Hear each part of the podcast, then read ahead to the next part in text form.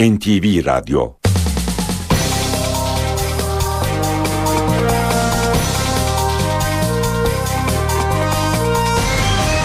İşe giderken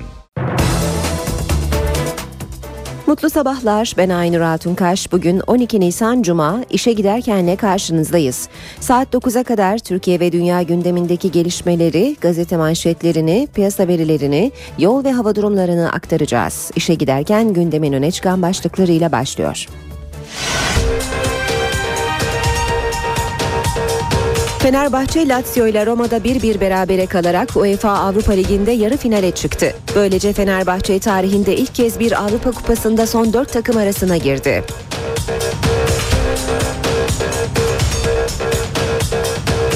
Fenerbahçe Teknik Direktörü Aykut Kocaman maçtan sonraki basın toplantısında geçen sezon bizi Şampiyonlar Ligi'ne göndermeyenlere yarı finalden selam olsun diye konuştu.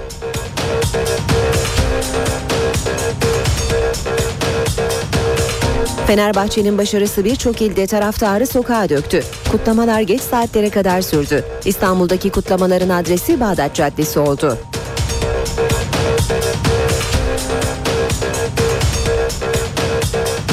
Fenerbahçe'nin UEFA Avrupa Ligi'ndeki rakibi bugün belli olacak. İsviçre'deki kura çekimi saat 13'te başlayacak.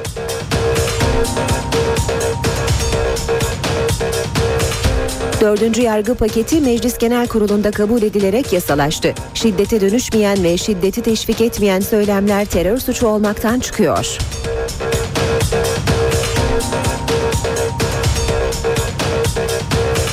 Eski Genelkurmay Başkanı Yaşar Büyükanıt, CHP Milletvekili Tanju Özcan'ın Ergenekon davasında gizli tanıktı şeklindeki iddiasını yalanladı.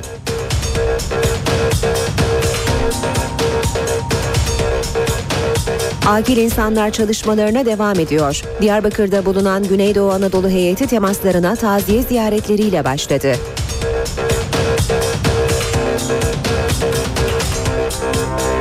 Çevre ve Şehircilik Bakanlığı Doğu ve Güneydoğu illerinde güvenlik nedeniyle yapılamayan kadastro çalışmalarını yeniden başlatıyor.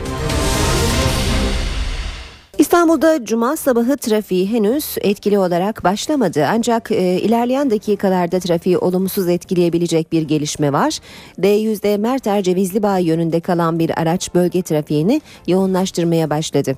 Köprülerde e, Anadolu Avrupa yakasına, Anadolu'dan Avrupa yakasına geçişte yoğunluk olduğunu görüyoruz. Boğaziçi Köprüsü'nde Çamlıca'da başlıyor yoğunluk. Köprü ortasına kadar devam ediyor. Ters yönde ise köprüye yaklaşırken hafif bir yoğunluk var. Köprü üzerinde de bu yoğunluk devam ediyor. Fatih Sultan Mehmet Köprüsü Anadolu Avrupa geçişinde yoğunluk Ataşehir'de başlıyor. Çavuşbaşı'na kadar etkili, devamı açık ama Kavacık'ta yeniden yoğunlaşıyor. Ters yönde Anadolu yakasına geçişte henüz bir sıkıntı yaşanmıyor. D100'de ayrıca Avcılar Parseller ve Florya arasında trafiğin seyri yavaşlıyor. İşe giderken gazetelerin gündemi.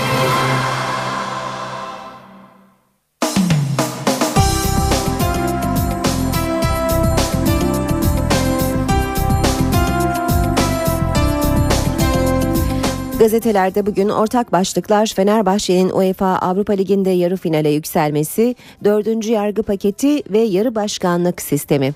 Fenerbahçe'nin başarısıyla başlayalım gazetelere.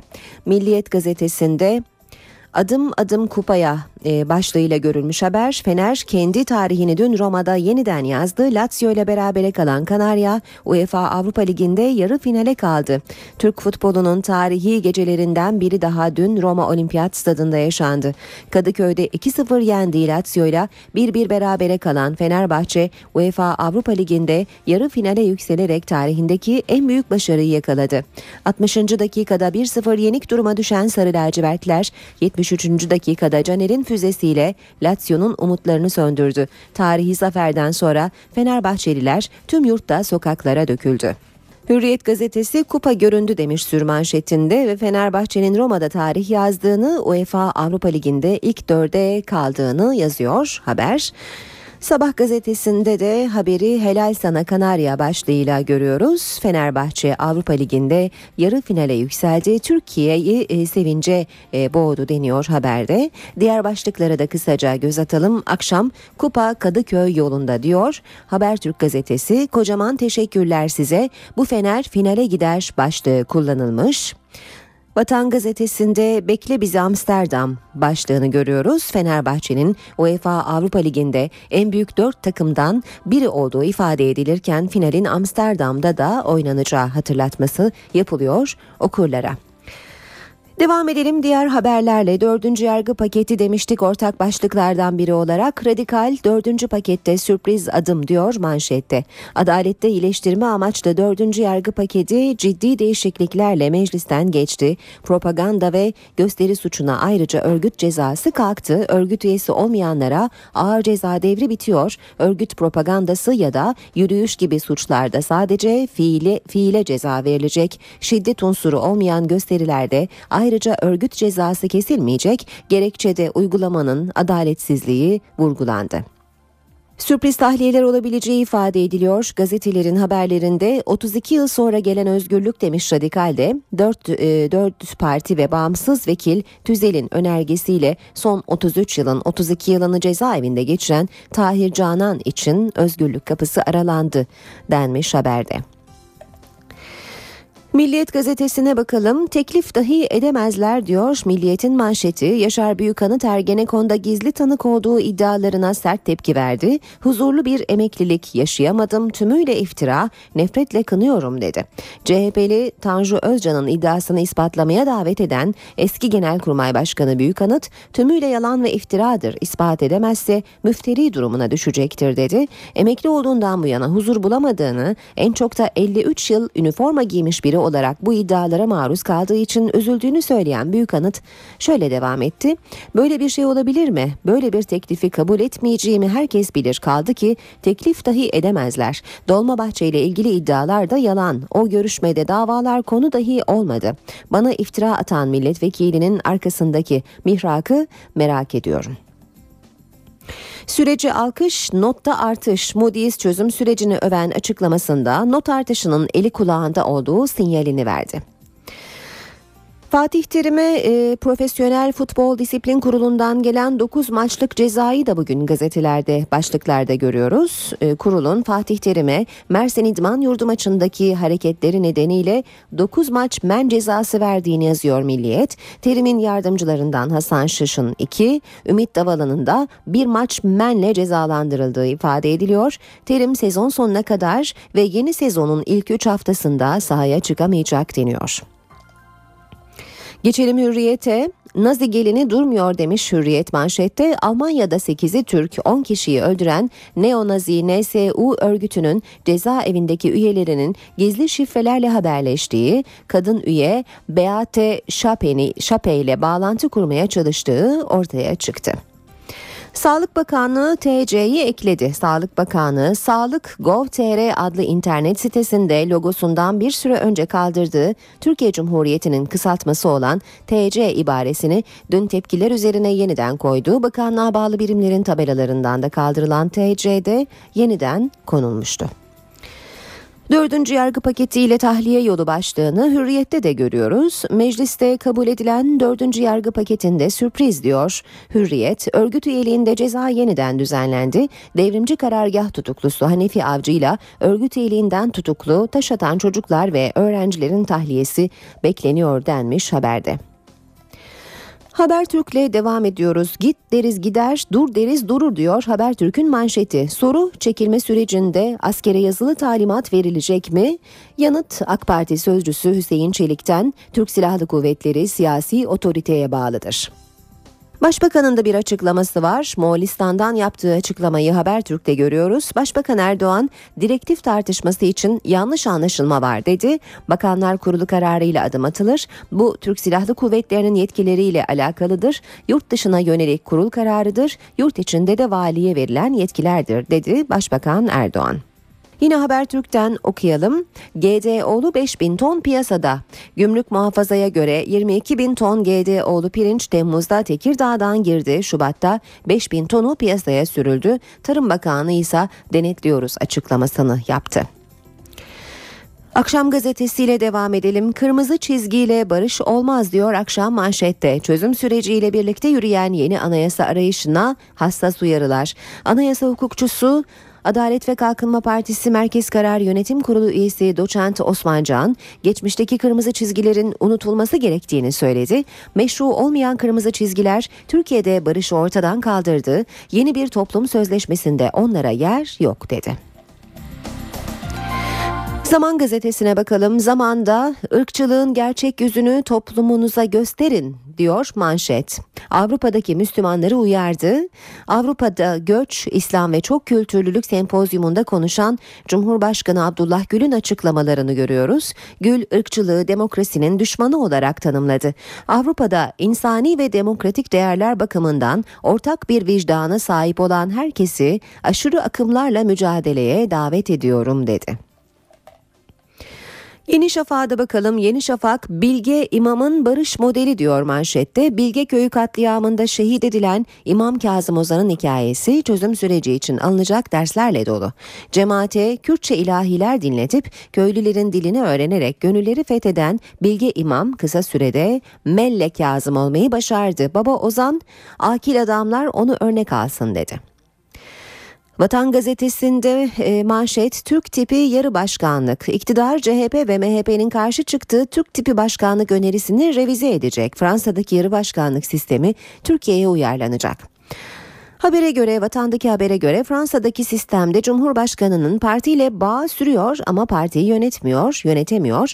AK Parti'nin teklifinde seçilmiş Cumhurbaşkanı parti genel başkanı olabilecek. Anayasanın 101. maddesindeki Cumhurbaşkanı seçilenin partisiyle ilişiği kesilir hükmü kalkacak. Türk tipi yarı başkanlıkta Cumhurbaşkanı başbakanı atayacak. Başbakan kabinesini kurup meclisten güven oyu alacak. Ancak Cumhurbaşkanı Bakanlar Kurulu'na başkanlık edecek. Başbakan Fransa Cumhurbaşkanı'nın yardımcısı pozisyonunda çalışacak.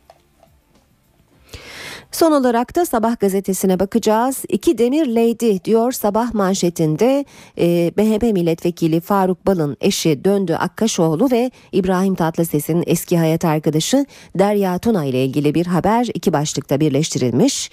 E, Faruk Bal'la eşi Döndü e, boşanıyorlar. Boşanma davasına ilişkin notları görüyoruz. İbrahim Tatlıses ile ilgili olan haberde de İbrahim Tatlıses'in e, şu andaki eşinden e, yeni dünyaya gelen çocuğuyla ilgili eski eski hayat arkadaşı Derya Tuna'nın açıklamalarını manşetine almış Sabah gazetesi.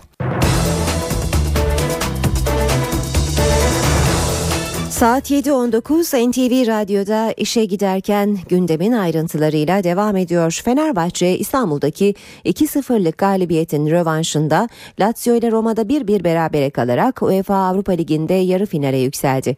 Fenerbahçe tarihinde ilk kez bir Avrupa Kupası'nda son 4 takım arasına girdi. Fenerbahçe'nin UEFA Avrupa Ligi'ndeki rakibi ise bugün belli olacak. Şampiyonlar Ligi ve UEFA Avrupa Ligi yarı final kura çekimi İsviçre'nin Lyon kentindeki UEFA merkezinde saat 13'te yapılacak. Fenerbahçe'nin Lazio'yu eleyerek UEFA Avrupa Ligi'nde yarı finale kalmasıyla İstanbul'da binlerce taraftar sokağa döküldü. Kutlamaların en yoğun olduğu nokta yine Bağdat Caddesi'ydi. Kadıköy'deki kutlamalar Fenerbahçe Lazio maçı biter bitmez başladı. Fenerbahçelilerin yarı final coşkusu her geçen dakika daha da arttı. Taraftarlar meşalelerle ve formalarıyla Bağdat Caddesi'ni karnaval alanına çevirdi. Lazio zaferi sarı lacivertte taraftarın sokağa döktü. İşte görüyorsunuz şu an Bağdat Caddesi'nde büyük bir coşku var.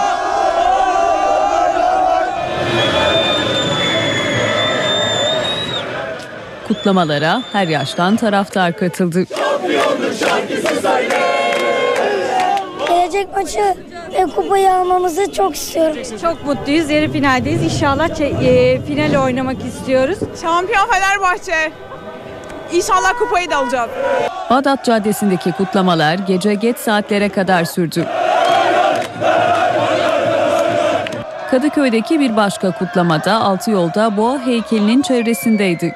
Gündüz saatlerinde kimliği belirsiz kişilerce Lazio takımının renklerine boyandıktan sonra temizlenen heykel çevresindeki kutlamalara yüzlerce kişi katıldı. Fenerbahçe'nin başarısı sadece İstanbul'da değil birçok ilde sarı lacivertli taraftarı sokağa döktü. Kutlamalar geç saatlere kadar sürdü.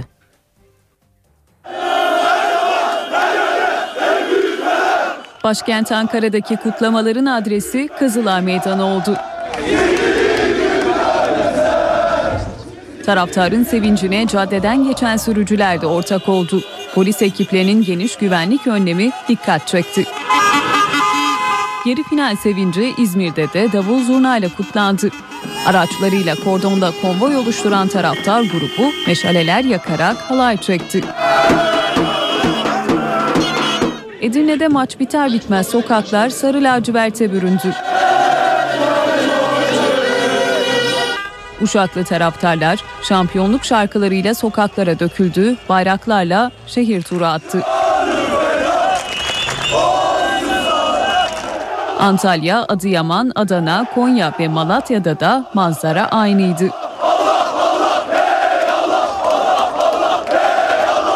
Fenerbahçe taraftarı yarı final başarısını geç saatlere kadar kutladı. Fenerbahçe'nin Lazio ile berabere kalarak yarı finale çıkması İtalyan basınında geniş yer buldu. Corriere della Sera gaz- gazetesi haberi Türkler Lazio'yu dışarı attı başlığıyla duyurdu. La Repubblica ise seyircisiz Lazio Fenerbahçe'yi yakalamayı başaramadı ifadesini kullandı. Görev başarısız oldu, Lazio elendi, Fenerbahçe yarı finalde başlığını atan La Gazzetta dello Sport, Avrupa kupalarında mücadele eden tek İtalyan takımın elenmesinin hayal kırıklığına neden olduğunu aktardı. Gazete maçı Lulic kandırdı, Caner mavi beyazlıların umutlarını söndürdü cümlesiyle özetledi.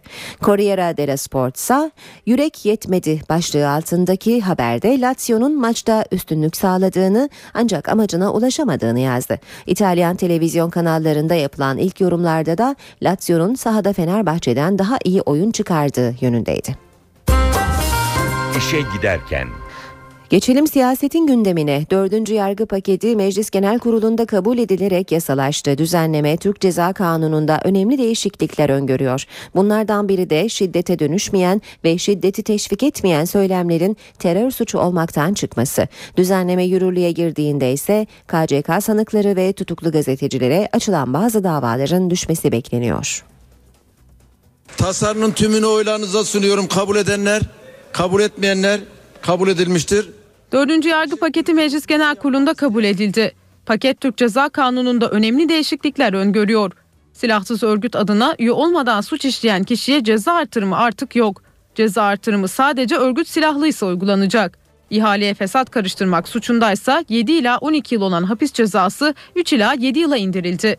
Dördüncü yargı paketiyle işkence suçlarında zaman aşımı kalkıyor. Şiddete dönüşmeyen ve şiddeti teşvik etmeyen söylemler terör suçu olmaktan çıkıyor. Düzenleme Türk Ceza Yasası'nda suçu ve suçluyu övme fiilinde değişiklik öngörüyor. Bu suçlar için terörü meşru gösterme şartı getiriliyor ve cezalar yumuşatılıyor. Düzenleme ile sayın gibi ifadelerin kullanılması suç olmaktan çıkıyor. Ayrıca suçu ve suçluyu övme fiilinde açık ve yakın tehlike oluşturulması şartı getiriliyor. Düzenleme yürürlüğe girdiğinde KCK sanıkları ve tutuklu gazeteciler açılan bazı davalar düşecek. Düzenleme ayrıca halka askerlikten soğutma suçunda da önemli değişiklikler içeriyor. Bu suçun işlenmesi için açıkça askerleri firara teşvik etme şartı aranıyor. Dördüncü yargı paketinin görüşmeleri sırasında Meclis Genel Kurulu'nda sert tartışmalar vardı. MHP ve BDP arasında idam cezası kavgası çıktı. Vekiller birbirlerine düelloya davet edince tansiyon iyice yükseldi. Dördüncü yargı paketi görüşmelerinde Meclis Genel Kurulu düello çağrısına sahne oldu. MHP ile BDP arasında önce idam cezası ile ilgili tartışma çıktı. Ardından BDP'li Sırrı Sakık'la MHP'li Ali Uzunırmak birbirinin üzerine yürüdü. Sakık Uzunırmak'ı düelloya davet etti. Hodi meydan dışarı çıkalım dedi. İki vekil de dışarı çıkmak için hamle yapınca araya diğer milletvekilleri girdi. Genel kurul ilginç bir eyleme de sahne oldu.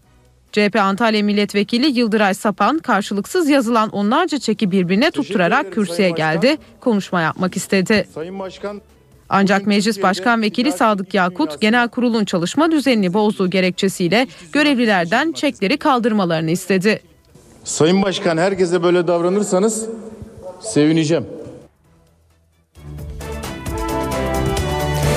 Çekilme sürecinde Türk Silahlı Kuvvetlerine yazılı emir verilecek mi? Başbakan Recep Tayyip Erdoğan, Moğolistan'da bu sorunun cevabını verdi. Türk Silahlı Kuvvetleri hükümetin verdiği vereceği kararlarla hareket eder dedi. AK Parti sözcüsü Hüseyin Çelik'ten de başbakanın sözlerini destekleyen bir açıklama geldi. Türk Silahlı Kuvvetleri hükümetin emrinde siyasi irade dur derse durur, git derse gider ifadesini kullandı. Zannediyorum burada hala bir yanlış anlaşılma var. Türk Silahlı Kuvvetleri, diğer güvenlik güçlerimiz şüphesiz ki hepsi de Cumhuriyet hükümetinin verdiği, vereceği kararlarla hareket eder. Başbakan Recep Tayyip Erdoğan, Moğolistan'da PKK'nın çekilme süreciyle gündeme gelen askere yazılı emir tartışmasını değerlendirdi. Eğer parlamentoyu ilgilendiren yanı varsa bu da parlamentodan çıkacak kararlar. Şu andaki süreçte Bakanlar Kurulumuzun alacağı kararla atılabilecek adımlar vardır. Bu Türk Silahlı Kuvvetlerimizin yetkileriyle alakalı adımlardır. Bu yurt dışına yönelik ne gibi hareketler yapması gerekir?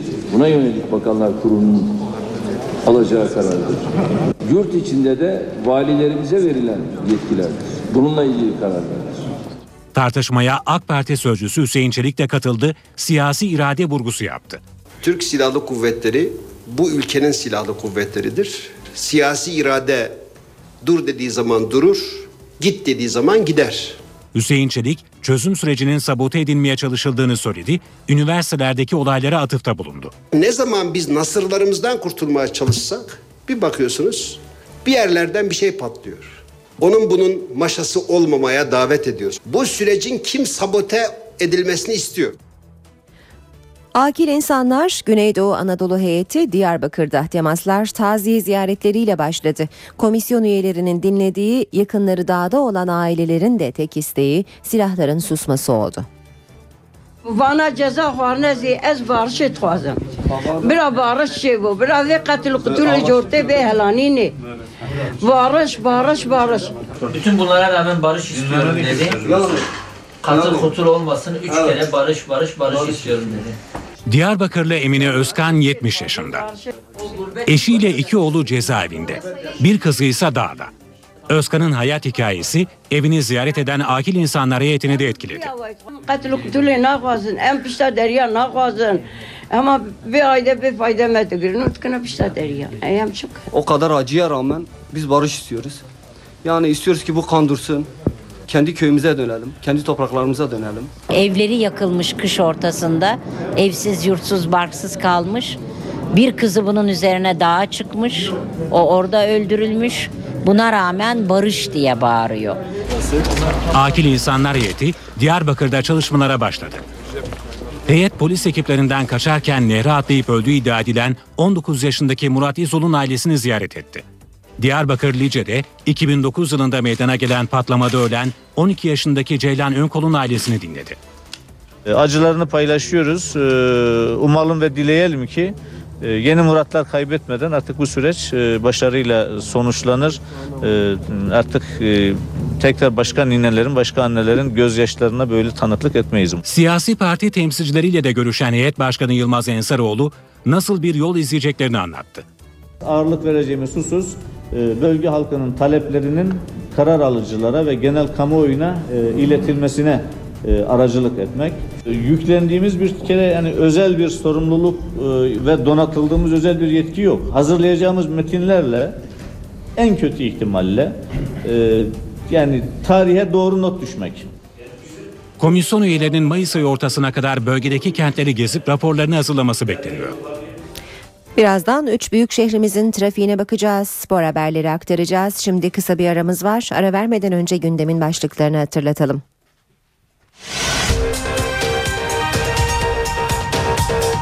Fenerbahçe Lazio ile Roma'da 1-1 berabere kalarak UEFA Avrupa Ligi'nde yarı finale çıktı. Böylece Fenerbahçe tarihinde ilk kez bir Avrupa Kupası'nda son 4 takım arasına girdi.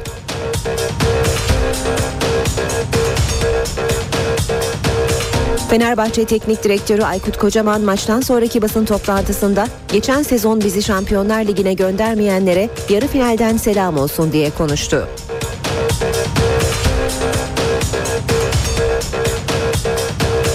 Fenerbahçe'nin başarısı birçok ilde taraftarı sokağa döktü. Kutlamalar geç saatlere kadar sürdü. İstanbul'daki kutlamaların adresi Bağdat Caddesi oldu.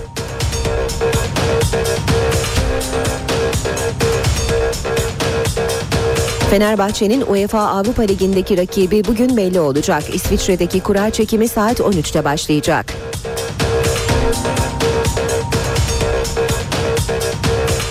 Dördüncü yargı paketi Meclis Genel Kurulu'nda kabul edilerek yasalaştı. Şiddete dönüşmeyen ve şiddeti teşvik etmeyen söylemler terör suçu olmaktan çıkıyor.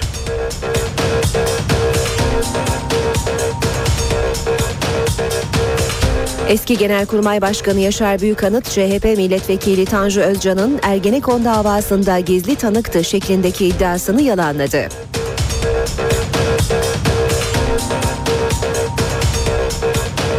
Akil insanlar çalışmalarına devam ediyor. Diyarbakır'da bulunan Güneydoğu Anadolu heyeti temaslarına taziye ziyaretleriyle başladı.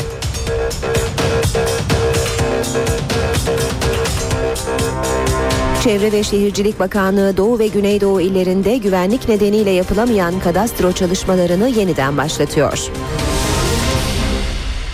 İşe giderken üç büyük şehrimizin trafik notlarıyla devam edecek. İstanbul'la başlayalım. İstanbul'da cuma sabahı trafiği kendine hissettirmeye başladı.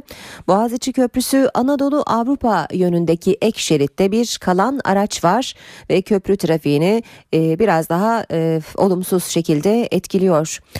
Fatih Sultan Mehmet Köprüsü'nde ise Anadolu Avrupa geçişinde yoğunluk Küçük Bakkalköy'de başlıyor. Köprü girişine kadar etkili sadece çavuş başından sonra kısa bir süre rahat ancak devamı yine yoğun. Ters yönde etiler katılımı köprü girişi arası yoğun seyrediyor. Boğaziçi Köprüsü Anadolu Avrupa geçişinde Acıbadem Köprüsü itibarıyla e, yoğunluk kendine hissettiriyor. Ters yönde ise Mecidiyeköy itibarıyla e, yoğun. Araç arızasını hatırlatalım. Anadolu Avrupa yönündeki ek şeritte meydana geldi ve e, köprü geçişini e, oldukça yavaşlatacak ilerleyen dakikalarda da. D100 karayolunda Topkapı'dan Darül kadar oldukça yoğun bir trafik olduğunu görüyoruz. Çoban Çeşme Bahçeli Evler arası da yoğun seyrediyor. Tem otoyoluna da bakalım köprü yönünde Metris'te başlayıp Maslak'a kadar uzanan yoğun bir trafik var. Daha da geride Mahmut Bey'de yoğunlaşmanın başladığını söyleyebiliriz. O üçte atış alanı Bayrampaşa arasında çok yoğun e, bir seyir var. Anadolu yakasında Bostancı Kozyatağı arası yoğun seyrediyor. Ee, yine Anadolu yakasında D100'de Göztepe Uzunçayır arası yoğun bir trafik var. Tem'de trafik açık ee, ancak e, D100'de Pendik yönünde trafik bu sabah çok yoğun. Kartal e, Köprüsü'ne yaklaşırken başlayan yoğunlaşma tersaneye kadar, tersane kavşağına kadar etkisini hissettiriyor. Ve Küçükçekmece avcılar arasında da yine çift yön yoğunluk olduğunu söyleyebiliriz. Ankara ile devam edelim. Şu anda sürücüler Ankara'da Keçiören Anadolu Bulvarı arasını 21 dakikada, Atatürk Orman Çiftliği Gençlik Parkı arasını 12 dakikada, Anadolu Bulvarı Keçiören arasını 13 dakikada, Dikmen Kızılay arasını 11 dakikada, Cinnah Ulus arasını 14 dakikada, Plevne İvedik arasını 18 dakikada geçebilirler. İzmir'de ise sürücüler Bornova'dan Alsancak'a 13 dakikada, 3 Üçkuyulardan Konağa 8 dakikada, Bostanlı'dan Girne'ye 9 dakikada, Üçkuyulardan Alsancak'a 16 dakikada ve Mavişehir'den Konağa 24 dakikada gidebilirler.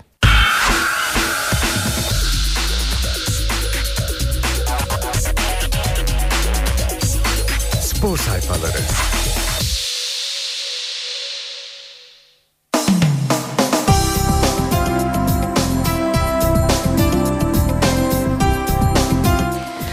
Spor haberleriyle devam ediyoruz. Bugün spor başlıklarında Fenerbahçe'nin UEFA'da yarı finale yükselişi göze çarpıyor. Yanı sıra Profesyonel Futbol Disiplin Kurulu'ndan e, Galatasaray teknik ekibine gelen cezaları da yine başlıklarda görüyoruz. E, Milliyet gazetesi iki sayfasını öncelikle ayırmış Fenerbahçe'nin başarısına aşkınla coşkunla sen çok yaşa başlığını atmış. Fenerbahçe İtalya'da destan yazdığı Roma temsilcisi Lazio'yu eleyerek tarihinde ilk kez yarı finale adını yazdırdı.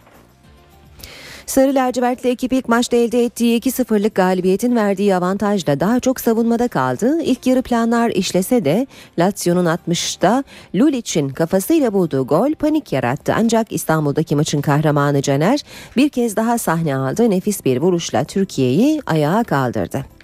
Roma'yı yakan adam diyorlar Caner için. Saracoğlu'ndaki maçta 71'de oyuna girerek yaptırdığı penaltı ve Kayt'ın gol- golündeki katkısıyla vitrine çıkan Caner dün de müthiş bir gol attı. Fenerbahçe'nin tarihi zaferinde başrolü kaptı. Caner'in gösterdiği e, grafiği de e, yükseliş trendindeki grafiği de Milliyet gazetesi başlıklarını almış. Selam olsun diyor Aykut Kocaman. Maç sonrası geçen sezon Fenerbahçe'yi Şampiyonlar Ligi'ne göndermeyenlere buradan selam olsun diye konuştu. Gül'den tebrik. Karşılaşmanın hemen ardından Cumhurbaşkanı Gül, Teknik Direktör Aykut Kocaman'ı telefonla aradı. Soyunma odasındaki sevincini yarıda bırakarak hemen dışarı çıkan Kocaman, Gül'le bir süre sohbet etti. Gül'ün yarı finale çıkan Fenerbahçe'yi ve Kocaman'ı tebrik ettiği, artık beklentimiz final dediği öğrenildi. Gül ayrıca kulüp başkanı Aziz Yıldırım'a telgraf göndererek azmin ve inancın eseri olan bu önemli başarıya imza atan futbolcuları ve Fenerbahçe camiasını kutlarım dedi. Yarı finaldeki rakip e, bugün belli oluyor. Fenerbahçe'nin olası rakipleri İngiliz Chelsea, Portekizli Benfica ve İsviçre'den Basel takımları olacak. Devam edelim yine milliyetten aktarmaya. Finale gidiyoruz. Kayıt Türkiye'ye özel sevinç yaşattıklarını söyledi. Herkes mutluluğun keyfine varmalı. Finale doğru gidiyoruz dedi. Volkan Demirel, Fenerbahçeliler inanmaya devam etsin. Kimseyi mahcup etmeyeceğiz diye konuştu.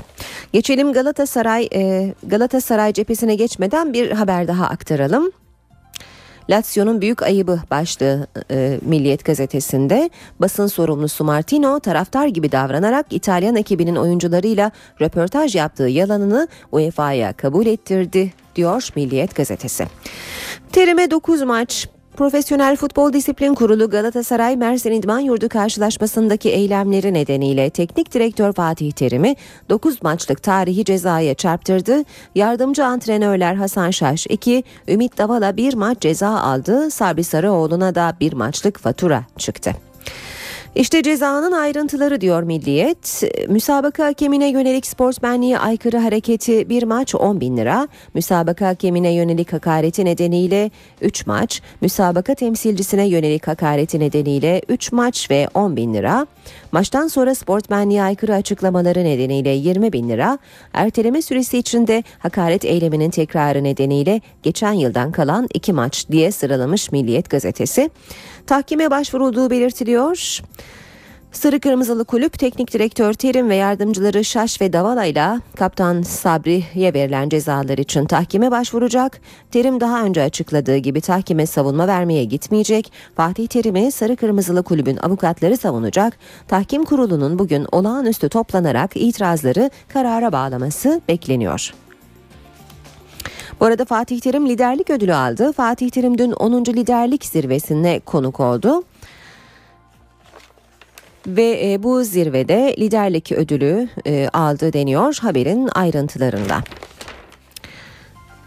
Devam ediyoruz spor haberleri aktarmaya. Efes avantaj peşinde Euroleague çeyrek finali ilk maçında Olympiakos'a yenilen lacivert beyazlı temsilcimiz bugün bir kez daha rakibine konuk olacak. Saha avantajını elde etmeye çalışacak. Saat 21'de başlayacak bu karşılaşma ve NTV Spor'dan canlı olarak yayınlanacak.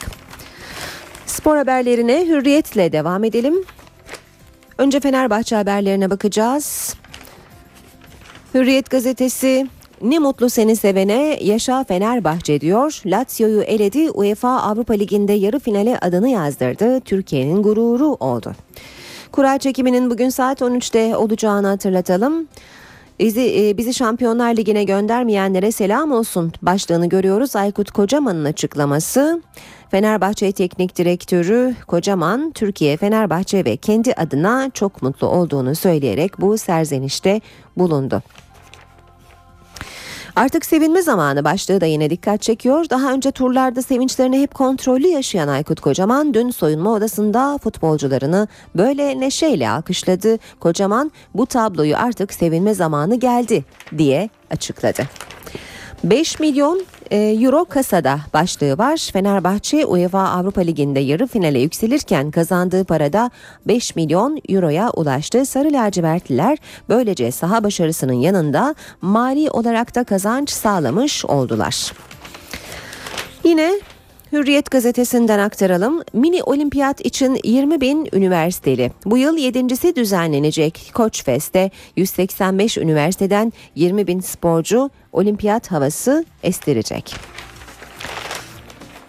Kadıköy'de nerede oturacak başlığı Yine Hürriyet'te aldığı 9 maçlık ceza sonrası Fatih Terim'in 33. haftada oynanacak kritik Fenerbahçe derbisinde nerede oturacağı merak konusu oldu. İşte ihtimaller diyor. Hürriyet ve şöyle sıralıyor. Fenerbahçe Başkanı Yıldırım'ın locasında, Saracoğlu Stadı'nın protokol tribününde, Sarı lacivertlilerin göstericiyi locada, Galatasaray'ın yedek kulübesinin arkasında. Ben de olsam kendimi oynatmazdım. Dentinho teknik direktör Aybaba'ya hak verdi. Bir, bir, bir türlü şans bulamayan Brezilyalı forvet, asıl yerin forvet arkası, hocamsa kanat arayışında beni oynatmaması normal dedi. Son başlığı okuyalım Hürriyet'ten Real Madrid, Bayern Münih, Barcelona, Borussia Dortmund. Yarı finalde hem Almanlar hem de İspanyollar bu eşleşmeleri istiyor. Bild gazetesinin anketine katılan okuyucuların %60'ı Katalan temsilcisiyle Dortmund'un eşleşmesi yönünde oy birliğine varırken Mundo Deportivo gazetesinin anketinden de %68 ile aynı sonuç çıkmış. Sabah gazetesiyle bitirelim bu bölümü. Okuyacağımız e, ilk başlık İtinayla tarih yazılır. Fenerbahçe'nin yarı finaldeki e, yarı final başarısını yine e, büyük başlıklarla görüyoruz sabahta ve yarı finaldeki rakibinde bugün 13'te çekilecek kura sonucu belli olacağını belirtiyor sabah. Biz de hatırlatalım. Yine sabahtan okuyalım. Haydi hayırlısı Fenerbahçe'nin yarı finaldeki rakibi bugün saat 13'te belli olacak derken muhtemel rakipleri de sıralıyor e, Sabah gazetesi. Bir başka başlık Yeni sezonu açamıyor. 9 maç ceza alan Fatih Terim lig sonuna kadar tribüne çıktı. Yeni sezonu da kulübede açamıyor. Vakıfbank bir adım önde. Acıbadem e, Kadınlar Voleybol Ligi playoff yarı final ilk maçında Fenerbahçe'yi 3-1 yenen Vakıfbank 1-0 öne geçti. İkinci maç pazar günü oynanacak diyor. Haber yarı final serileri yarın start alıyor başlığını da aktaralım. Acıbadem Erkekler Voleybol Ligi'nde playoff yarı final serileri yarın İstanbul'da oynanacak karşılaşmalarla başlayacak diyor e, haberin e, devamında Sabah gazetesi. Böylece bitiriyoruz spor haberlerini. İşe giderken devam ediyor.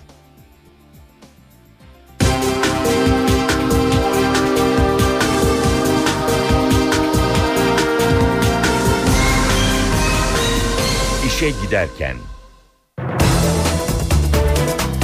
Çevre ve Şehircilik Bakanlığı Doğu ve Güneydoğu illerinde güvenlik nedeniyle yapılamayan kadastro çalışmalarını yeniden başlatıyor. Kadastro yenileme çalışmalarının tamamlanması kentsel dönüşüm sürecini de hızlandıracak.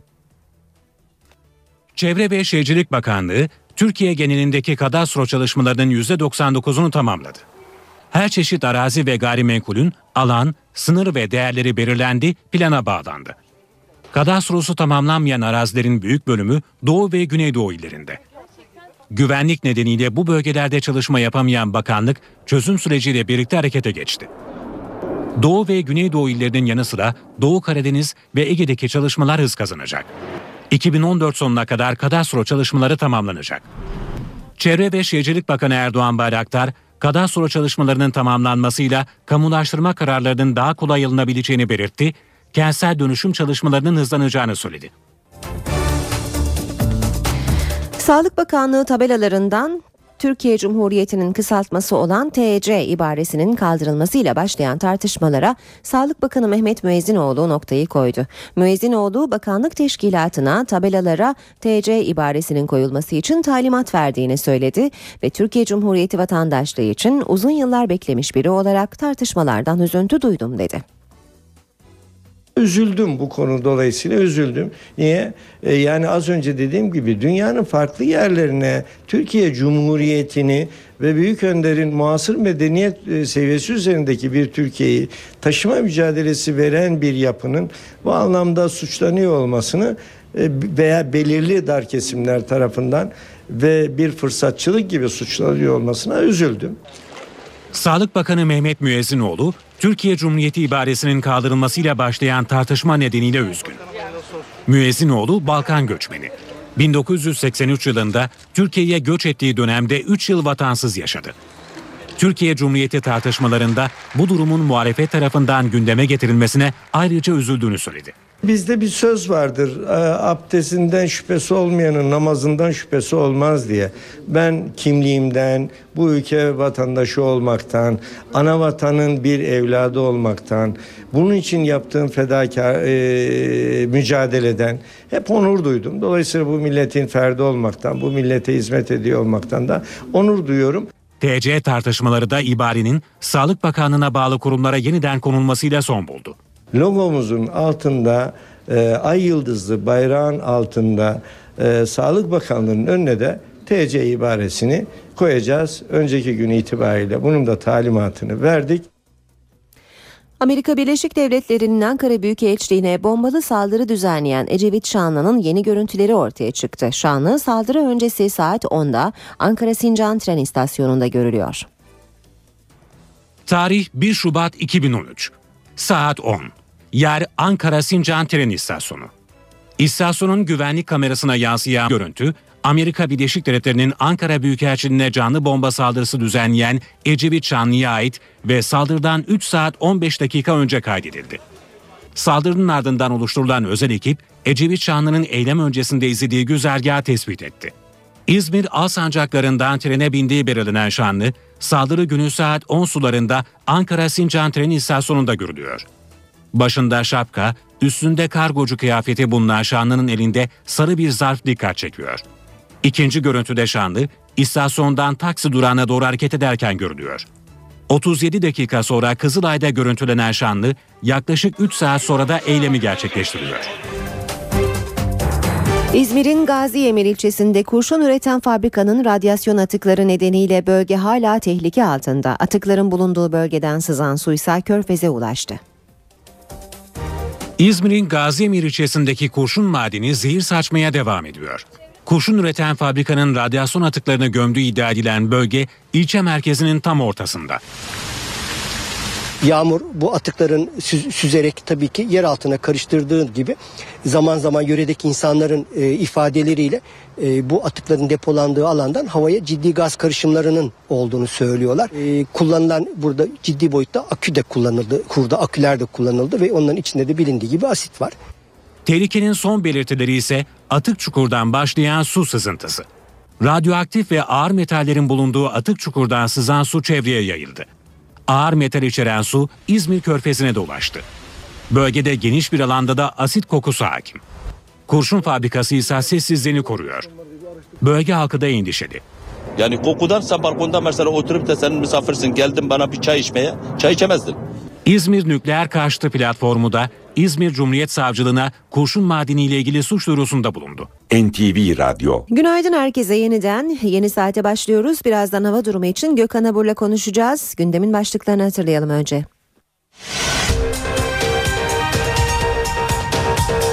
Fenerbahçe Lazio ile Roma'da 1-1 berabere kalarak UEFA Avrupa Ligi'nde yarı finale çıktı. Böylece Fenerbahçe tarihinde ilk kez bir Avrupa Kupası'nda son 4 takım arasına girdi.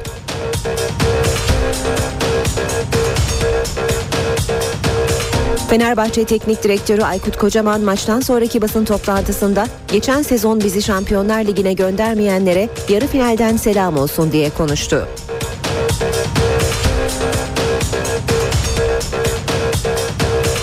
Fenerbahçe'nin başarısı birçok ilde taraftarı sokağa döktü. Kutlamalar geç saatlere kadar sürdü. İstanbul'daki kutlamaların adresi Bağdat Caddesi oldu.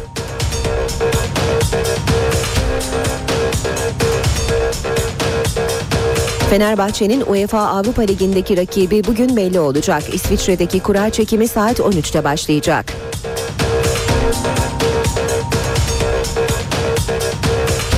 Dördüncü yargı paketi Meclis Genel Kurulu'nda kabul edilerek yasalaştı. Şiddete dönüşmeyen ve şiddeti teşvik etmeyen söylemler terör suçu olmaktan çıkıyor.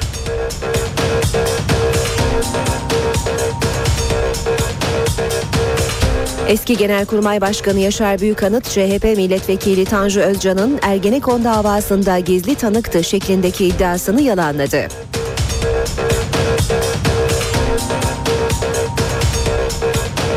Akil insanlar çalışmalarına devam ediyor. Diyarbakır'da bulunan Güneydoğu Anadolu heyeti temaslarına taziye ziyaretleriyle başladı.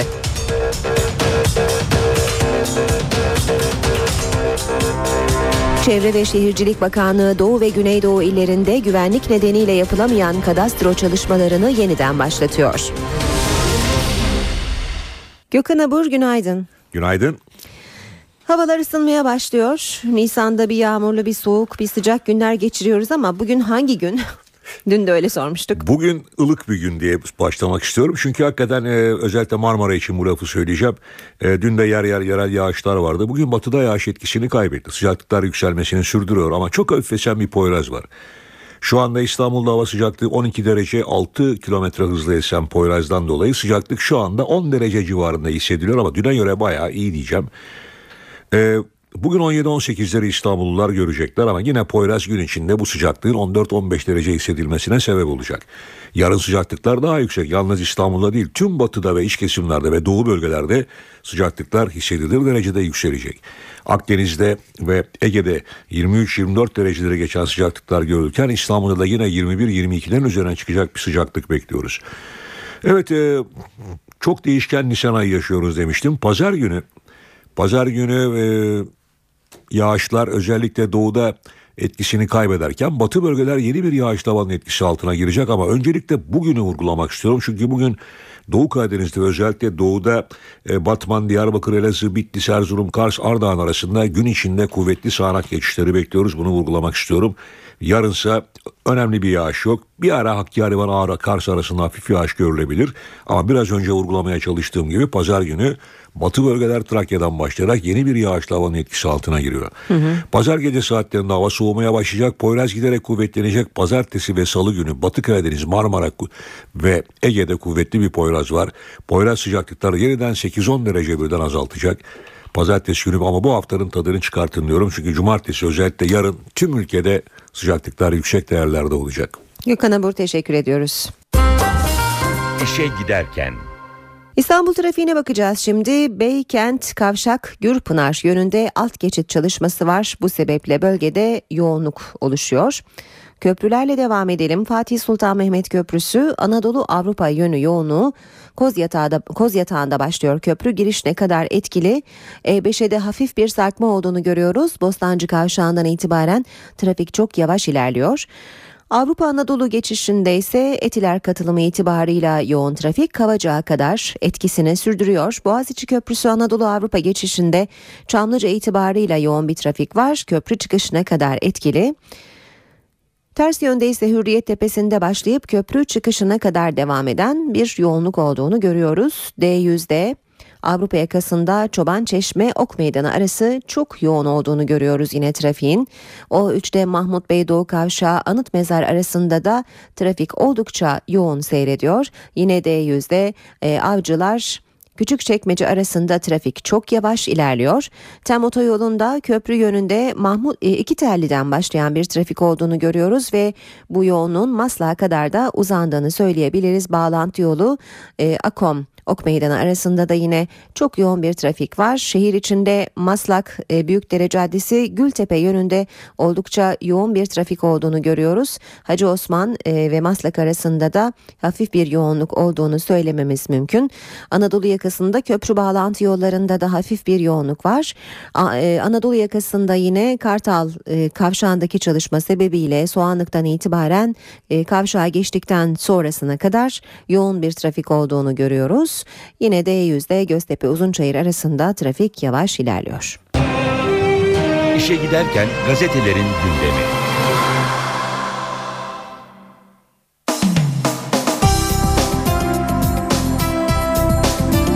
E, Fenerbahçe'nin UEFA Avrupa Ligi'nde yarı finale yükselmesi, dördüncü yargı paketi, yarı başkanlık sistemi bugün gazetelerin ortak başlıkları Fenerbahçe haberleriyle başlayalım.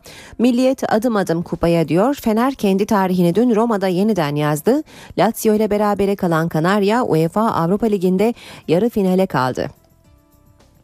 Hürriyet manşette kupa göründü demiş. Fenerbahçe Roma'da tarih yazdı. UEFA Avrupa Ligi'nde ilk dörde kaldı. Aykut Kocaman'ın finali istiyoruz açıklaması e, yine başlıkta.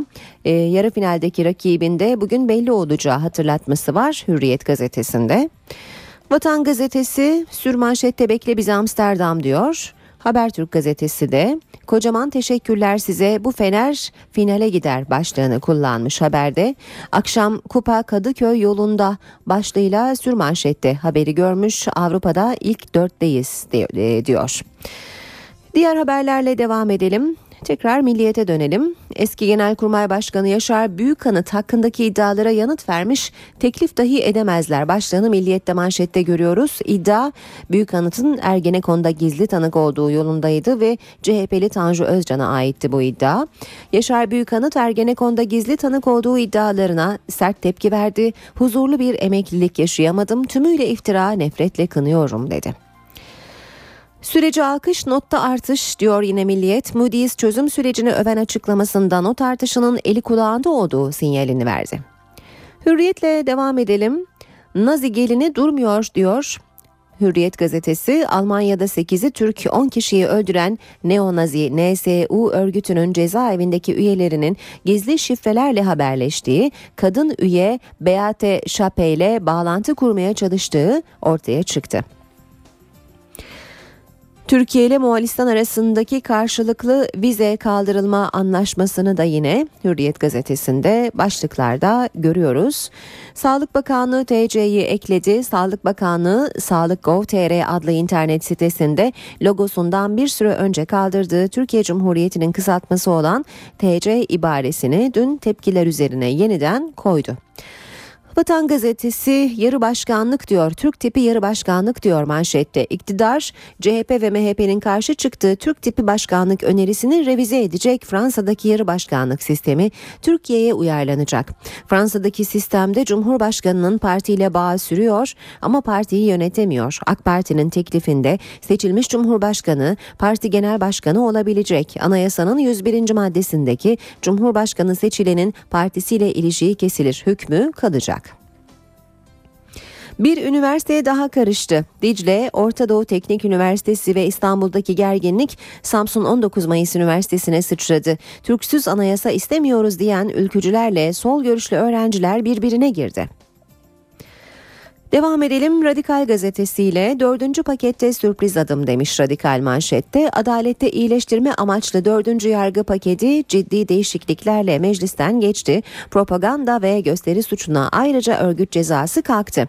Örgüt üyesi olmayanlara ağır ceza devri bitiyor. Örgüt propagandası ya da yürüyüş gibi suçlarda sadece fiile ceza verilecek. Şiddet unsuru olmayan gösterilerde ayrıca örgüt cezası kesilmeyecek. Gerekçede uygulamanın adaletsizliği vurgulandı. Habertürk'e geçelim. Habertürk'te git deriz gider dur deriz durur manşetini görüyoruz. Soru çekilme sürecinde askere yazılı talimat verilecek mi? Cevabı AK Parti sözcüsü Hüseyin Çelik veriyor. Türk Silahlı Kuvvetleri siyasi otoriteye bağlıdır. Devam edelim yine Habertürk'ten GDO'lu 5000 ton piyasada. Gümrük muhafazaya göre 22 bin ton GDO'lu pirinç Temmuz'da Tekirdağ'dan girdi. Şubat'ta 5 bin tonu piyasaya sürüldü. Tarım Bakanlığı denetliyoruz açıklamasını yaptı. Zaman gazetesiyle devam edelim. Avrupa'da göç, İslam ve çok kültürlülük sempozyumunda konuşan Cumhurbaşkanı Gül'ün açıklamalarını zaman manşete taşımış. Avrupa'daki Müslümanları uyardı, ırkçılığın gerçek yüzünü toplumunuza gösterin. Gül ırkçılığı demokrasinin düşmanı olarak tanımladı. Avrupa'da insani ve demokratik değerler bakımından ortak bir vicdana sahip olan herkesi aşırı akımlarla mücadeleye davet ediyorum dedi. Yeni Şafak'ta Bilge İmam'ın barış modeli manşeti var. Bilge Köyü katliamında şehit edilen İmam Kazım Ozan'ın hikayesi çözüm süreci için alınacak derslerle dolu. Cemaate Kürtçe ilahiler dinletip köylülerin dilini öğrenerek gönülleri fetheden Bilge İmam kısa sürede Melle Kazım olmayı başardı. Baba Ozan akil adamlar onu örnek alsın dedi. Cumhuriyete bakalım. Hizbul kontra hortluyor mu diyor Cumhuriyet manşette. Diyarbakır'da barıştan çok Hizbullah PKK derin sözcükleri duyuluyor. Nevruz'da çözüm umudu yükselen Diyarbakır'da Hizbullah yanlısı gruplarla PKK sempatizanları arasındaki çatışmalar kentte gerilimi yükseltmiş. Sokaklarda PKK Hizbullah kavgası yeniden mi hortluyor? Kaygısı artarken Aysel Tuğluk provokasyon emniyetin tahriki var dedi. Baro Başkanı Tahir Elçi seçime giderken gerginlikler olabilir sözüyle endişesini dile getirdi. Akil insanlardan Profesör Erdem süreci sabote etmeye yönelik mi kazaen mi bilmiyoruz diye konuştu. Türey Köse'nin e, izlenimlerini görüyoruz. Diyarbakır izlenimlerini Cumhuriyet'in manşetinde. Ve akşama bakalım kırmızı çizgiyle barış olmaz. Akşamın manşeti çözüm süreciyle birlikte yürüyen yeni anayasa arayışına hassas uyarılar. Anayasa hukukçusu Adalet ve Kalkınma Partisi Merkez Karar Yönetim Kurulu üyesi Doçent Osman Can, geçmişteki kırmızı çizgilerin unutulması gerektiğini söyledi. Meşru olmayan kırmızı çizgiler Türkiye'de barışı ortadan kaldırdı. Yeni bir toplum sözleşmesinde onlara yer yok. Ankara gündemi.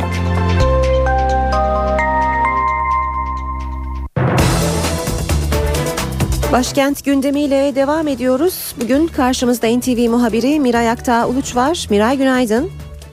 Günaydın Aynur. Ee, bu sabah seninle istersen dördüncü yargı paketini konuşalım. Gazetelerde gerçi ayrıntılarıyla e, yer almıştı. Biz birkaç başlık aktarabildik.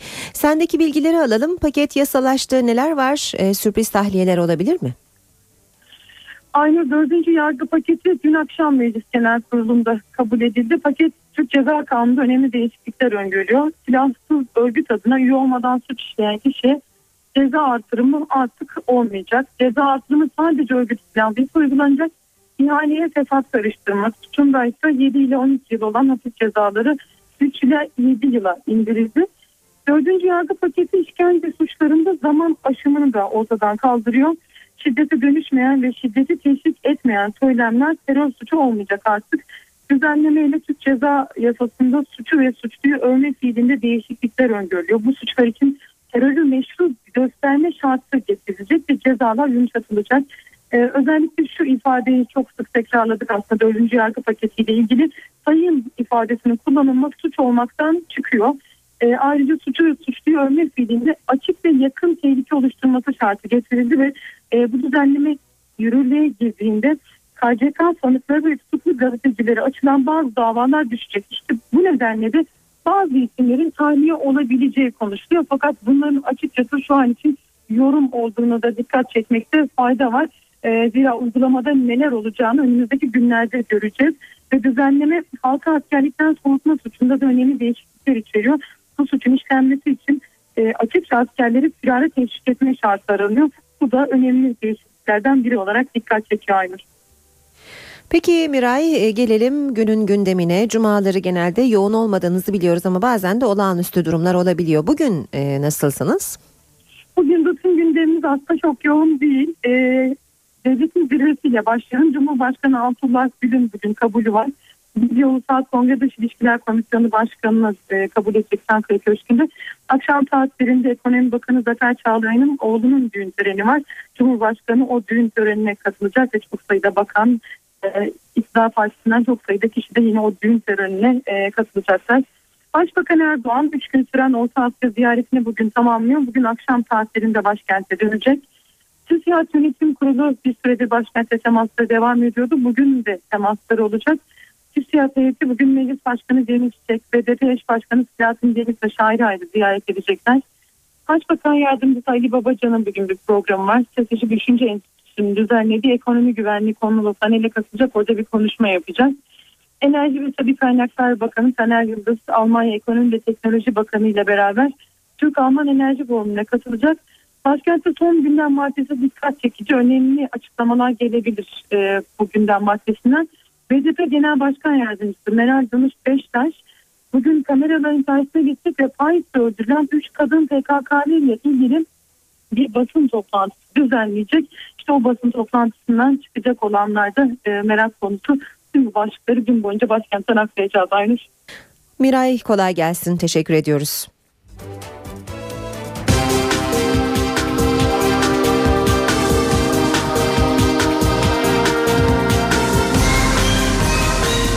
İşe giderken Silivri'de hafta başında olaylar nedeniyle ertelenen Ergenekon davası duruşması dün yapıldı. Pazartesi günü kalabalığı biber gazıyla dağıtan jandarma gazetecilere tatlı ikram etti. Pazartesi gaz ve su sıktılar, 3 gün sonra da tatlı dağıttılar. Burası Silivri cezaevinin önü. Ergenekon davasının görüldüğü Silivri cezaevinde polis ve jandarma bir önceki duruşmada bariyerleri yıkan göstericilere müdahale etti. Milletvekillerinin de aralarında olduğu çok sayıda kişi atılan gaz bombalarından etkilendi. Silivri'de 3 gün sonra bambaşka bir görüntü vardı. Protesto sırasında zarar gören tel örgüler onarıldı. Jandarma biber gazından etkilenen habercilere revani ikram etti. Başbakan Recep Tayyip Erdoğan'ın olayların sorumlusu olarak işaret ettiği CHP'li vekiller yine duruşmadaydı. Erdoğan'a yanıt verdiler. Eğer Cumhuriyet Halk Partisi burada 8 Nisan'da bu şekilde sağduyulu olmasaydı, bu şekilde olaylara müdahale olmasaydı burada çok daha olumsuz olaylar olurdu. Tam aksine e, iktidar partisi, hükümet 8 Nisan'da hem öncesinde hem sonrasında son derece provoke eden, son derece suçlayan, son derece hedef gösteren açıklamalar yaptılar. Ve onların bu açıklamaları üzerine de maalesef yargı o talimatla harekete geçti. Sanıklara da savcılık mütalası sonrası ilk kez söz hakkı verildi. Sanıklar delillerin değerlendirilmediğini, tanıkların dinlenmediğini ve savunma haklarının kısıtlandığını söyledi. Cumhuriyet Halk Partisi'nin Bolu Milletvekili Tanju Özcan önceki gün mecliste eski genelkurmay başkanlarından Orgeneral Yaşar Büyükanıt'ın Ergenekon davasında gizli tanık olduğunu iddia etti. Dün akşam saatlerinde emekli Orgeneral Yaşar Büyükanıt yazılı açıklamayla iddiayı yalanladı. CHP'li vekile iktidar kanadı da tepkiliydi. Ergenekon'un gizli tanıklarından bir tanesinin Yaşar Büyükanıt olduğu yönündeki iddialarını tekrarladım. Sayın Başbakan'la Yaşar Büyükanıt arasında Dolmabahçe'de ikimiz arasında sır kalacak denilen konuşmada gizli tanıklık teklifi yapılmış mıdır? Genelkurmay eski başkanı Orgeneral Yaşar Büyükanıt, Ergenekon davasının gizli tanığı. CHP Bolu Milletvekili Tanju Özcan'ın bu iddiası Ankara'nın yeni tartışma konusu oldu. Özcan 4. yargı paketinin genel kuruldaki görüşmeleri sırasında ortaya attığı iddianın perde arkasını NTV'ye anlattı. Büyükanıt'ın gizli tanık olduğu için korunduğunu iddia etti. Yaşar Büyükanıt'ın hükümet tarafından özel olarak korunduğu, belli garantiler verilerek e, gizli tanıklığa davet edildiği yönünde iddialar var. Tanju Özcan'ın bu iddiasına Genelkurmay eski başkanı Yaşar Büyükanıt'tan dün akşam saatlerinde yanıt geldi. Avukatı aracılığıyla yazılı açıklama yapan Büyükanıt iddiaları reddetti ve Tanju Özcan'dan iddiasının kaynağını açıklamasını istedi. Gizli tanık iddiası kaynak belirtilmeyen, kulağına fısıldanan bir duyum olarak nitelendirildi. İddialar iktidarın da gündemindeydi. Bu zaten muhterem bunu nasıl öğrenmiş? Mesela ben bilmiyorum. Adalet Bakanı dahil gizli tanıkları bilirse o mahkemenin gizliliğinden ve o tanığın gizli olmasından söz edemezsiniz arkadaşlar. Böyle bir iddiada bulunan kimse iddiasını ispat etmekle mükelleftir.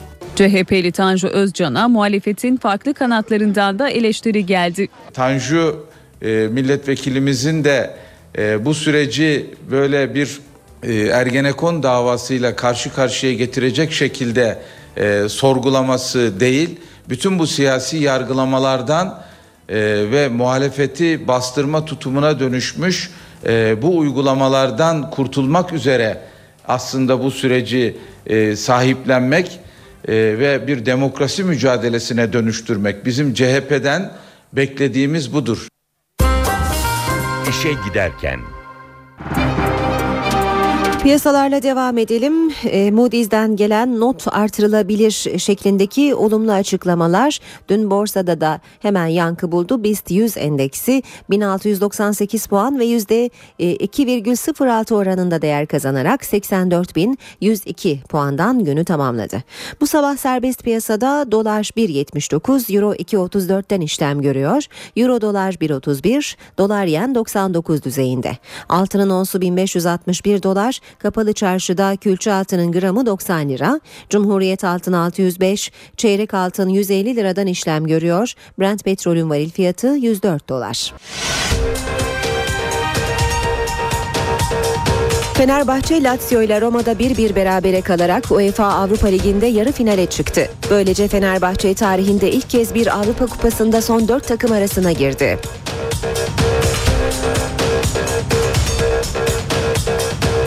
Fenerbahçe Teknik Direktörü Aykut Kocaman maçtan sonraki basın toplantısında geçen sezon bizi Şampiyonlar Ligi'ne göndermeyenlere yarı finalden selam olsun diye konuştu.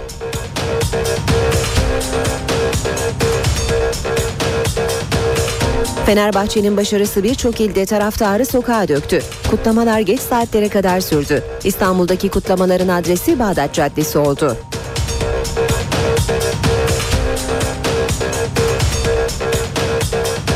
Fenerbahçe'nin UEFA Avrupa Ligi'ndeki rakibi bugün belli olacak. İsviçre'deki kura çekimi saat 13'te başlayacak.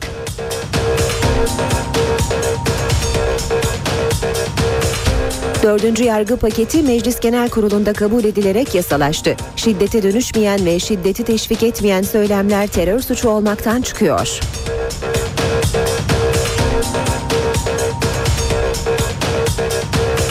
Eski Genelkurmay Başkanı Yaşar Büyükanıt, CHP Milletvekili Tanju Özcan'ın Ergenekon davasında gizli tanıktı şeklindeki iddiasını yalanladı.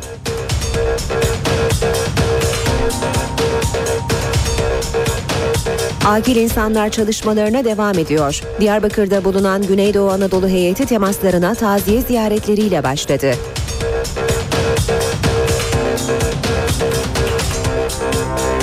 Çevre ve Şehircilik Bakanlığı Doğu ve Güneydoğu illerinde güvenlik nedeniyle yapılamayan kadastro çalışmalarını yeniden başlatıyor.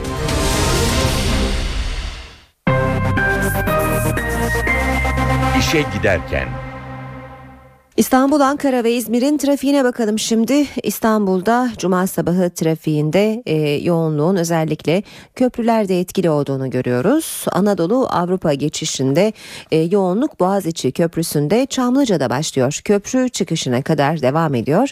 Ters yönde ise Mecidiyeköy ve köprü çıkışı arasında trafik yoğun seyrediyor. Fatih Sultan Mehmet Köprüsü'nde Koz Yatağı itibarıyla başlayan yoğunluk Çavuşbaşı'na kadar etkili. Devamında yoğunluk hafif hafifliyor. Kavacık'ta biraz daha yoğunlaşıyor ama köprü ortasından sonra çok akıcı bir trafik var. Tem otoyolunda köprü yönünde Karayolları Mahallesi Maslak arası yoğun seyrediyor. Edirne yönünde ise Metris Tekstil Kent ve Mahmut Bey arasında trafik hayli sıkıntılı. D100'de Çoban Çeşme itibariyle yoğunluk Ok Meydanı'na kadar etkili. Darül Aceze'ye yaklaşırken de e, trafik yoğunlaşıyor. Edirne yönünde ise İncirli Çoban Çeşme arası yoğun seyrediyor. Küçük çekmece avcılar arasında yoğunluk var. Ee, küçük çekmece yönünde etkili bu yoğunluk. Anadolu yakasında E5 karayolunda Maltepe Bostancı arasında trafik yoğun seyrediyor. Küçük Yalı Bostan, e, Bostancı arasında da hafif bir yoğunluk var. D100'de Kadıköy yönünde Yeni Sahra'da başlayan Uzunçayır'a kadar da etkili olan bir trafik olduğunu söyleyebiliriz. Tem akıcı Kartal Kavşağı'nda da hafif bir yoğunluk var. Ankaralı sürücüler Keçiören'den Anadolu Bulvarı'na 33 dakikada, Atatürk Orman Çiftliği'nden Gençlik Parkı kavşağına 19 dakikada, Anadolu Bulvarı'ndan Keçiören'e 14 dakikada, Dikmen'den Kızılay'a 18 dakikada, Cinnah'tan Ulus'a 18 dakikada ve Plevne'den İvedi'ye 23 dakikada ulaşabilirler. İzmirli sürücülerse Bornova'dan Alsancak'a 14 dakikada, Üç kuyulardan konağa 8 dakikada, Bostanlı'dan Girne'ye 9 dakikada, Üç kuyulardan Alsancak'a 22 dakikada ve Mavişehir'den konağa 27 dakikada gidebilirler.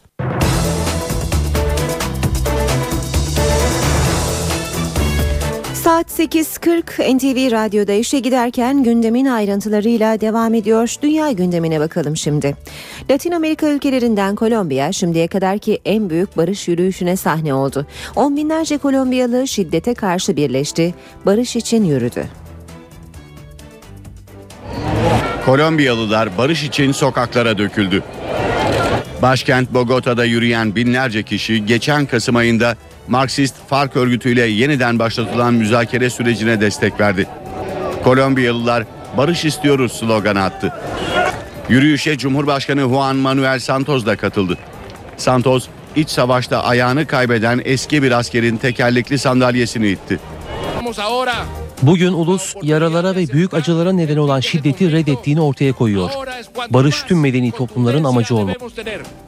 Başkentin yanı sıra Kolombiya'nın diğer kentlerinde de benzer yürüyüşler vardı. Bugün burada Kolombiya'daki şiddeti protesto ediyoruz. Sosyal, askeri ve siyasi tüm unsurlara barış çağrısında bulunuyoruz. Hükümetin farkla yeniden başlattığı müzakere süreci Kolombiya'yı böldü. Sürece karşı çıkanlar Cumhurbaşkanı'nı müzakereleri kapalı kapılar arkasında yürütmekle ve farkın siyasete girmesi için zemin hazırlamakla suçluyor. Kolombiya'da 1964'ten beri hükümet güçleriyle fark arasında süren çatışmalarda resmi verilere göre 600 bin kişi hayatını kaybetti. İngiltere'nin başkenti Londra'da toplanan G8 ülkelerinin Dışişleri Bakanları toplantısında bir Hollywood yıldızı da vardı. Amerikalı ünlü aktris Angelina Jolie toplantıda çatışma ve savaş alanlarında kadınlara cinsel tacizin önlenmesi çağrısında bulundu. Londra'daki G8 Dışişleri Bakanları toplantısı bir Hollywood yıldızını ağırladı. Jolie'yi kapıda ev sahibi İngiltere'nin Dışişleri Bakanı William Hague karşıladı. Birleşmiş Milletler Mülteciler Yüksek Komiserliği özel temsilcisi Jolie, savaşlarda yaşanan cinsel taciz vakalarına dikkat çekmek için toplantıdaydı. Angelina Jolie konuşmasında savaş alanlarında kadınlara cinsel tacizin önlenmesi çağrısında bulundu. Cinsel şiddet önlenebilir ve önlenmelidir. Bosna ve Demokratik Kongo Cumhuriyeti'nde tecavüze uğrayan kadınları dinledim. Dünyanın onları umursamadığını söylüyorlardı. Onlar savaşın unutulan kurbanları. Ama artık bugünden itibaren seslerinin duyulacağına inanıyorum. Jolie'nin konuşmasının ardından G8 toplantısında çatışma bölgelerinde cinsel tacizin önlenmesi için bir deklarasyon kabul edildi. Amerikalı aktris Jolie ve İngiltere Dışişleri Bakanı Hague bu soruna dikkat çekmek için geçen ay Demokratik Kongo Cumhuriyeti ve Ruanda'yı ziyaret etmişti. Şilili öğrenciler eğitim reformu talebinden geri adım atmıyor. Binlerce öğrenci yine sokaktaydı. Gösterinin ardından tansiyon yükseldi. Şilili öğrenciler sokakları savaş alanına çevirdi. Eğitim reformu isteyen öğrenciler bir kez daha polisle karşı karşıya geldi. Öğrenciler göz yaşartıcı gaz ve tazikli suyla kalabalığı dağıtmaya çalışan polise taş ve molotof kokteylleriyle karşılık verdi. Tansiyonun oldukça yükseldiği çatışma sırasında gözaltına alınanlar oldu. Şilili öğrencilerin parasız ve kaliteli eğitim talebiyle başlattığı protestolar yaklaşık iki yıldır sürüyor. Şili Devlet Başkanı Sebastian Pinara üzerinde yoğun baskıya neden olan eğitim reformu konusunun Aralık ayında yapılacak başkanlık seçimlerine damgasını vurması bekleniyor. İngiltere'nin eski başbakanı Margaret Thatcher için çarşamba günü düzenlenecek cenaze törenine 2000 kişi davet edildi. Hayatta olan tüm Amerikan başkanlarına ve İngiltere'nin diplomatik ilişkisi bulunan 200 ülkeye davet iletildi. İngiltere kraliçesinin de Churchill'den sonra ilk kez eski bir başbakanın cenazesine katılacağı açıklandı. İngiltere pazartesi günü hayatını kaybeden Margaret Thatcher'ı 17 Nisan çarşamba günü son yolculuğuna uğurlayacak. Masraf olmasın diye devlet töreni istemeyen Thatcher'ın cenazesi için yine de büyük bir organizasyon yapılıyor. Aziz Paul Katedrali'ndeki dini törene tam 2000 kişi davet edildi. Hayatı olan tüm Amerikan başkanlarının yanı sıra İngiliz siyasetçiler, sanatçılar ve İngiltere'nin diplomatik ilişkisi bulunan yaklaşık 200 devlete davetiye gönderildi. Ronald Reagan'ın eşi Nancy Reagan, Sovyetler Birliği'nin son lideri Mikhail Gorbaçov ve Thatcher'ın bir dönem terörist diye nitelediği Güney Afrika'nın eski lideri Nelson Mandela sağlık sorunları nedeniyle törene katılamayacaklarını bildirdi. İngiltere'nin Falkland Adaları nedeniyle diplomatik savaş içinde olduğu Arjantin'in devlet başkanı Cristina Fernandez'e ise davetiye gönderilmedi. İngiltere Kraliyeti de çarşamba günkü törende tam kadro yer alacak. İngiltere Kraliçesi'nin 1965'te ölen Churchill'in ardından ilk kez eski bir başbakanın cenazesine katılacağına dikkat çekiliyor. 1979'da iktidara gelen ve 11 yıl aralıksız başbakanlık koltuğunda oturan 87 yaşındaki Margaret Thatcher 8 Nisan'da hayatını kaybetmişti. Ekonomik krizle mücadele eden Yunanistan'da işsiz sayısı gün geçtikçe artıyor. Avrupa Birliği ve IMF'nin uzattığı yardım eline rağmen işsizlik rakamları bir kez daha rekor kırdı. Yunanistan'da işsizlik rakamları yeni bir rekor kırdı. Yaklaşık 2 puanlık bir artışla işsizlik oranı %27'yi aştı. Gençler arasında işsizlik ise daha yüksek. Resmi rakam %59. Yunanlara göre gerçek tablo çok daha vahim. Bence işsizlik oranı %45 civarında. İşsizlerin çoğu kayıt altında değil. Trajik bir durum yaşıyoruz. Gelecek belirsizliklerle dolu. Birçok iş yeri kapandı. Gençler işsiz kaldığı için umutsuzluk içinde yaşıyor. 2010'dan bu yana Avrupa Birliği ve IMF'den aldığı yardımlarla ayakta duran Yunan ekonomisi 6 yıldır büyüme gösteremiyor. Yunanistan için bu yılda %4,5'lik bir küçülme tahmini yapılıyor. Bu haberle işe giderken sona eriyor. Ben Aynur Altunkaş. Gelişmelerle saat başında yeniden buluşmak üzere. Hoşçakalın. NTV Radyo